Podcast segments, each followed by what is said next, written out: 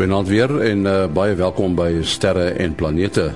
Soos gewoonlik bestaan die program uit uh, ruimte nuus, ruimte weer en dan interessante inligting oor sterre en planete. Soos beloof, eers ruimte nuus wat geskryf is deur Herman Torin in Bloemfontein. Wetenskaplikes wat die komeet Lovejoy aan sy reis om die son bestudeer het, het vasgestel dat daar alkohol, etanol en suiker in die dampkring van die komeet voorkom. Na raming spuit die komeet elke sekonde soveel alkohol die ruimte in as wat daar in 500 bottels wyn is. Wetenskaplikes meen dat 'n stuk ruimte rommel wat na verwagting op 13 November in die see naby Sri Lanka gaan val, die oorblyfsels kan wees van 'n stuk van die Apollo ruimteprogram van die 60er en vroeër 70er jare. Dit het vermoedelik lank om die maan rondgeswerf voordat die tuig terug aarde toe begin val het. Deur die val te monitor kan ander vallende ruimterommels se trajecte ook beter bepaal word. Tot sover ruimtenis wat geskryf is deur Herman Turin in Bloemfontein. Nou nuus oor die son se weer. Hier is Kobus Olkers in Florida, Amerika. Ja, ons het heel wat pret gehad verlede week met ons uh, met ons ruimte weer. ek was self nogal een van die van die mense wat uh, so ewe uitgevang is. Ek sit in gesels, ek probeer iemand bel in Suid-Afrika hier van Amerika af en die skakel bly uitval. En ehm um, ek sit hier en ek sit hier en ek is nie vreeslik beïndruk met die met die diensverskaffer en so aan nie en uh dus die persoon van die ander kant vir my maar het jy nie gesê hier kom hier kom sonaktiwiteit nie. Ja nee, en ek kyk toe vinnig op die grafieke en op die uh op die ruimteweer toestande in jou vriend hier waar daar's toe 'n fakkel aan die gang. Nou ja. So kan enige iemand gevang word. En ons het hierdie week uh so effe afname in die ak, in die van die werklike aktiewe areas wat wat uh ekstra uh emissies gemaak het ons het 'n uh, redelike oorvloed aan koronagate. En ons koronagate soos die luisteraars weet is almal oudjies wat vir ons hoë spoed hier teen 600 uh, km per sekonde en hoër sonwindstrome stuur. En hierdie spesifieke ouetjie waaroor ek nou bekommerd is vir so later in die week sit mooi pragtig mooi op die ewenaar van die son. Uh lyk of hy 'n bietjie groter word, mooi vierkantig nogal en hy is ook gelyk my negatief georiënteerd. So daar is 'n potensiaal van 'n bietjie uh langafstand probleme, maar let wel geen potensiële uh internet of uh GPS of enige van die soort van probleme nie. Dan het ons natuurlik nog steeds twee redelike groot koronagate by die noord en suidpool, soos wat ons nou al lankal gesê het, dit is 'n aanduiding van die son minimum wat op pad is. Uh, en ons het nog 'n ouetjie wat op hierdie stadium agter die son is wat vir ons hier teen vroeg November vir ons ook nog 'n bietjie pret kan kom gee. So ons uh, ons radio, langafstand radio operateurs uh, gaan nog 'n paar interessante weke hê, maar die res van ons moet nie soveel probleme te hê nie. Wat filamente aanbetref, uh, sit ons nou ook nog met 'n uh, so 'n paar kleintjies uh, om die waarheid te sê as mense so vinnig kyk lyk hulle van hulle van die die groteres van hulle is eintlik redelik kort. En daar so drie of vier van hulle as een van hulle sou platval of of losbreek van die son af dan kan ons 'n bietjie van 'n effek kry. Dit kan dalk die elektrisiteitsvoorsiening effe be, beïnvloed maar dit sal verseker nie nie ons internet of enigiets anders beïnvloed nie. Dit was Kobus Olkers in Florida Amerika. Ons het vir Dr. Japie van Sail van uh die Jet Propulsion Laboratory in uh Pasadena, Kalifornië by ons en dan ook vir uh Willie Koorts. Hy is natuurlik van die Suid-Afrikaanse Astronomiese Observatorium en vanaand praat hy van uh Sutherland af. Dit is uh so half sy uh sy tuisblad as mense dit nou sou kan uitdruk. Japie, uh ons het al in die verlede gepraat oor die MAPS satelliet wat uh hier in die middel van die jaar opgeskiet is om die aarde se vogtigheid te meet, maar nou sien ons daar's 'n ander satelliet wat JPL mee werk, die sogenaamde SWAT.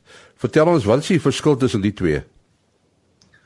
Ehm um, die die uh, ene wat die vogtigheid wat jy uh, genoem het bestudeer is veronderstel om al die die landoppervlaktes van die aarde te te bestudeer. Elke ehm um, 8 dae kan ons dan of elke week basies kan ons 'n uh, 'n kaart maak van die hele aarde om te sê hoe na die grond is. Nou swat weer wat ons hier in 2020 gaan lanseer. Hy bestudeer al die oseane en die groter riviere en mere. Hulle moet so ongeveer 'n kilometer uh, in deursnit wees voor voordat 'n ou nou werklik kan sien die riviere kan jy nog so 'n bietjie kans 'n uh, bietjie kleiner neem maar die mere en so moet so ongeveer 'n kilometer in deursnit wees en hy gaan dan baie akkuraat die die hoogte van die mere meet. Nou uh, SWAT is eintlik 'n opvolger op die satelliete wat alle jare al die El Niño uh, um, sein meet. Hulle het op 'n spesiale baan gegaan en dan kon ons elke 10 dae kon ons dan die aarde karteer en sê hoe wat die um, die uh, oppervlakte van die oseane is tot 4 cm akkuraat gemeet. Nou SWAT gaan 'n baie hoër resolusie as die huidige satelliete hê sodat ons sal sal nie alleen die groot ehm um, sal ek maar sê die groot patrone op die uh, seeoppervlakte kan sien nie, maar ons sal kleiner patrone soos draaikolke en so aan met uh, met SWAT kan ook bestudeer wat vir ons baie meer inligting sal gee oor hoe energie nou wel in die oseane ene weer geneem word die sogenaamde heat and energy transport van die van die oseane wat ons dan gaan bestudeer. En gebruik al twee radar. Al twee gebruik radar.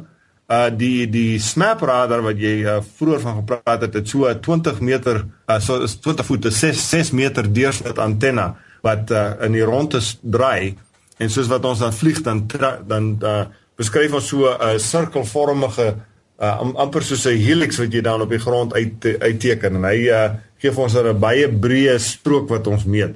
Nou SWAT gaan 'n ander tipe van ding meet gebruik. Uh van die luisteraars het miskien gelees van in die jaar 2000 het ons op die Space Shuttle uh um sending gehad waarmee ons die aarde gekarteer het, digitaal die die topografie van die aarde gemeet het. Nou SWAT gaan daai selfde tegniek gebruik, maar natuurlik nou baie meer akkuraat in die hoogte meet uh maar nie so goeie hoë resolusies soos wat ons in 2000 gedoen het nie op die oseane toepas. Maar albei is radars, ja. Maar die SMAP uh, die werk nou nie heeltemal vol op kapasiteit nie, daar was 'n probleem. Ja, ongelukkig kyk SMAP het twee instrumente op.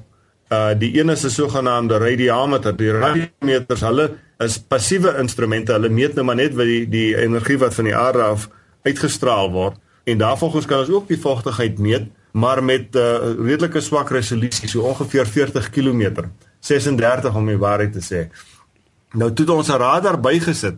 Die radar kan vir ons 3 km ehm uh, die die vochtigheid meet, maar ongelukkig hier in Julie maand het die radar se um, se kragbron toe 'n bietjie probleem gegee en hy uh, werk nou nie meer nie. So ons kan nou ongelukkig nog net die radiometers gebruik om die om die ehm um, vochtigheid te meet op hierdie stadium. En dan 'n ander interessante gebeurtenis wat uh, eintlik 'n dag of wat gelede ge gebeur het, die die sogenaamde duik van daardie Cassini deur 'n uh, deur 'n waterspuit uh, daar op Enceladus, nê. Nee. Ons het al daarvan gepraat. Ja, uh, kijk, nou, hoe werk die ding presies? Ja, ons het al voorheen gepraat van die waterspuite wat in in Enceladus gebeur en Cassini kom nou naby aan sy aan die einde van die satelliet se lewensduur. So toe het ons nou besluit om nou so diep as moontlik, so laag as moontlik bo kan die oppervlakte van die maan te vlieg en deur een van hy spuite te vlieg. Nou ehm um, die rede waarom ons so laag as moontlik wil vlieg, dis maar soos enige ander ding, as jy uh, die spuit ehm um, uit die maan wat nou so uitkom, die swaarder molekules wat uh, heel waarskynlik nou die die uh, sogenaamde organiese molekules kan wees.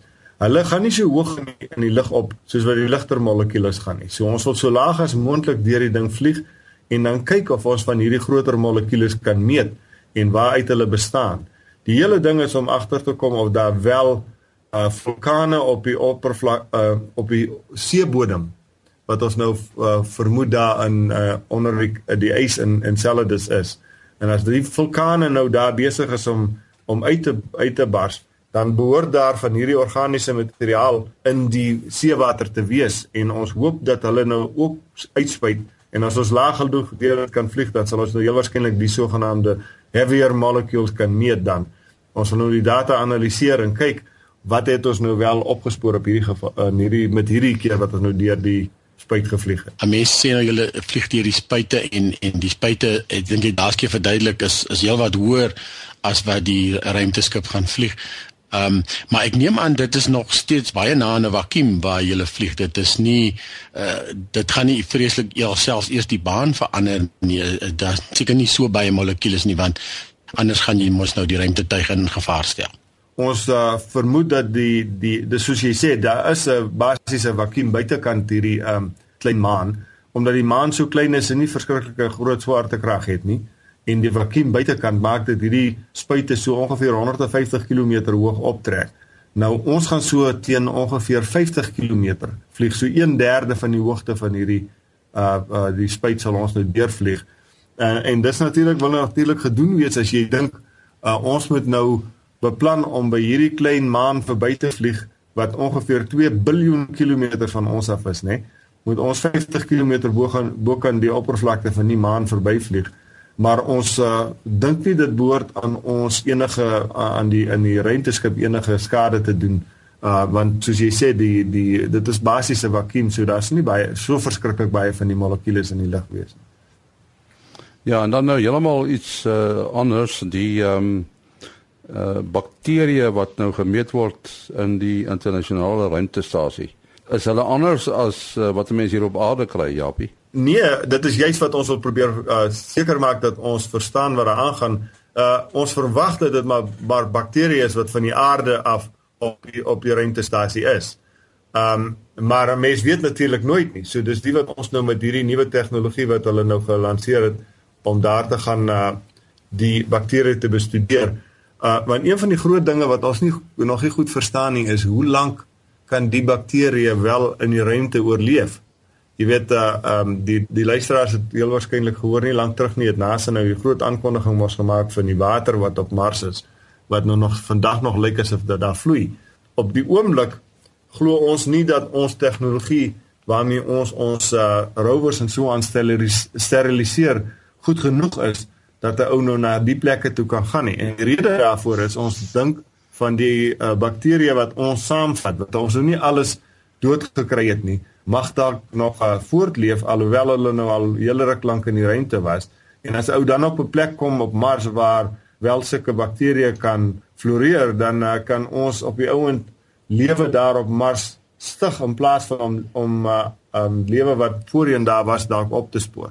So dis nou maar waaroor ons al hierdie goeters bestudeer om te sien hoe lank bakterieë in die ruimte kan oorleef en of uh, die goed wat op die op die ruimtestasie is basies dieselfde is as wat wat uh, hier op die aarde is. So watse prosesse gebruik julle om die bakterieë uh, om om die ruimteskip uh, die ruimtetuie dan te steriliseer? Man dit is maar basies ons bak hulle maar uh, maar ehm um, jy kan dit dink as 'n ding wat so groot is soos 'n Mini Cooper dan is dit 'n bietjie moeilik om hom skoon te bak. Jy moet in 'n groot kamer die ding insit en uh, die uh, die temperatuur hoog genoeg hou vir 'n lang tyd en dan hoop jy nou maar al die bakterieë en so aan is dood uh, ons meet natuurlik ouens gaan uh, met hulle jy weet hy wit suits van hulle en dan gaan hulle nou met klein uh, uh, uh van hierdie uh, katoen uh goedjies en gaan vat nou monsters op die op die satelliet en so aan en dan moet dit minder as 'n sekere hoeveelheid um, per per miljoen deeltjies bakterieë wees voordat ons nou die ding kan sertifiseer.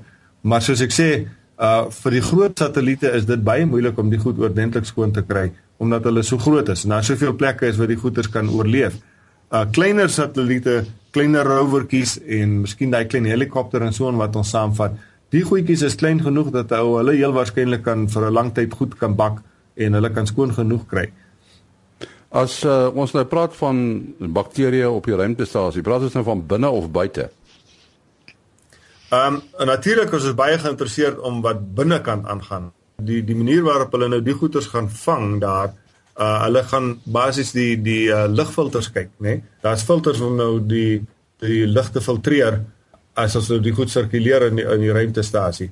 En dan gaan hulle nou die goeters vang uh, in hierdie uh, kyk in hierdie filters en die en dan die uh, bakterieë analiseer om te sien wat daar is. So dis hoofsaaklik vir wat binnekant in die in die stasie aan die gang is maar het hulle nie in die verlede al mikrobes in die buitekant gekry nie Ja, maar dis dis weer eens 'n geval van ons kan nie mooi weet of die goeters ehm um, soontoe gevat is en en of hulle van buitekant af gekom het nie. Ehm um, op hierdie stadium lyk dit asof alles wat ons gekry het maar van die aarde af gekom het. Dan is daar 'n ander onderwerp en dit gaan oor uh, oor Dawn en Ceres. Dawn is ja. nou die ehm um, die satelliet wat met uh, wat is dit uh, aangedryf word? Uh die Ion-aandrywing. Ion-aandrywing, dis reg ja. Uh, wat is sy storie op die oomblik? Kyk, ons het nou vir 'n lang tyd uh, het ons die uh uh, uh die satelliet op 'n op 'n baan gehad wat so ongeveer 1400 km bo gaan bo kan die oppervlakte is. Vrydag laas Vrydag het ons nou begin om die um die satelliet se engines weer te gebruik om nou nog laer te gaan. Die plan is om so ongeveer net so onder 400 km bo kan die op, oppervlakte, oppervlakte van Ceres te, te vlieg. Dit sal natuurlik vir ons dan nou die beste resolusie gee, so ongeveer 30 meter resolusie op die oppervlakte van van uh Ceres. En ons is natuurlik baie geïnteresseerd in die um krater waar ons daai baie helder kolle gesien het om nou so met hierdie hoë resolusie te kan sien wat wat uh, daar aangaan en uh, wat wat hierdie kolle is daar's nog groot uh, bespiegeling omtrent wat dit kan wees of wat nou sout is en of dit nou ys is of wat. Uh so ons uh, sien natuurlik baie uit. Dit vat ongelukkig 'n paar weke voor voor ons op die la baan kom om dan die dan die um, die uh, metings te kan begin. So jy kan met meetinstrumente agterkom of daar sout is. Ja, ja, ons het genoeg die instrumente wat ons het is goed genoeg om vir ons te kan sê of dit wel sout is of nie. En die Johan motor, jy sê hulle het hom aangeskakel, maar dit vat mos nou lank vir daardie Johan motor om heeltemal doeltreffend te word. Ja, dit is om die, dit is die rede waarom dit ons ehm um, as ek reg onthou ongeveer 7 weke gaan vat voordat ons op hierdie lae baan kom. Kyk, uh Johan uh, engine uh gee nie baie stuurkrag nie. Uh dis maar ongeveer soveel dieselfde hoeveelheid krag as 'n mens nou 'n gewone pen waarmee jy skryf in jou hand neersit uh, daai soort van gewig wat jy daar voel, dis ongeveer die die die krag van hierdie E1 engines wat ons het op uh, op Dawn. So uh, uh dit gaan vir ons rukkie om daar onder te kom. As ou nou een van hierdie meer kragtige uh, chemiese engines gehad het, dan was ons sommer binne 'n paar ure op die lae oppervlakte. Maar nou ja, ons het uh, ons het maar ons het tyd gelukkig, so dit maak nou nie saak of ons 'n bietjie lank vat om onder te. En ja, nee, ek het ek het net opgelet, dit is nog al 'n massiewe krater daardie uh, is amper 90 km in deursnee en en 4 km diep, so dit is nog al 'n massiewe krater. Ja, dis dis doodreg die beste resolusie wat ons tot dusver gehad het, is so ongeveer 140 meter. So jy kan nou dink as ons klik hier by ongeveer 30 meter gaan uitkom, dan kan ons heelwat meer detail sien op die oppervlakte. Maar die die Ceres is 'n is 'n baie interessante plek want soos jy sê daar's berge met baie steil wande wat dan uh, ongeveer so um 3-4 km hoog is, né? Nee? Uh dis natuurlik uh, uh op die aarde kan ons nie sulke steil wande uh hê nie. Hulle sal van self uh, so sal ek maar sê afgly. En ons kan nie eintlik hoor as ongeveer 30 grade wande hier op die aarde as gevolg van die groot swaartekrag wat ons het. Maar Ceres is natuurlik nou nie sulke hoë swaartekrag nie. So dit is redelik makliker vir vir uh, die berge om die stywe die steil wande en so aan te hê. So is baie geïnteresseerd om te sien hoe lyk die plek nou as ons nou al die detail kan sien op die ou. Nou ja, ons moet uh, ongelukkig uh, begin klaarmaak. Jaapie, jou besonderhede? My e-pos adres japiejpl@gmail.com. japiejpl@gmail.com. En Willie? 0724579208 0724579208 En my e-posadres maas.henny@gmail.com maas.henny@gmail.com Tot 'n volgende keer. Mooi dag.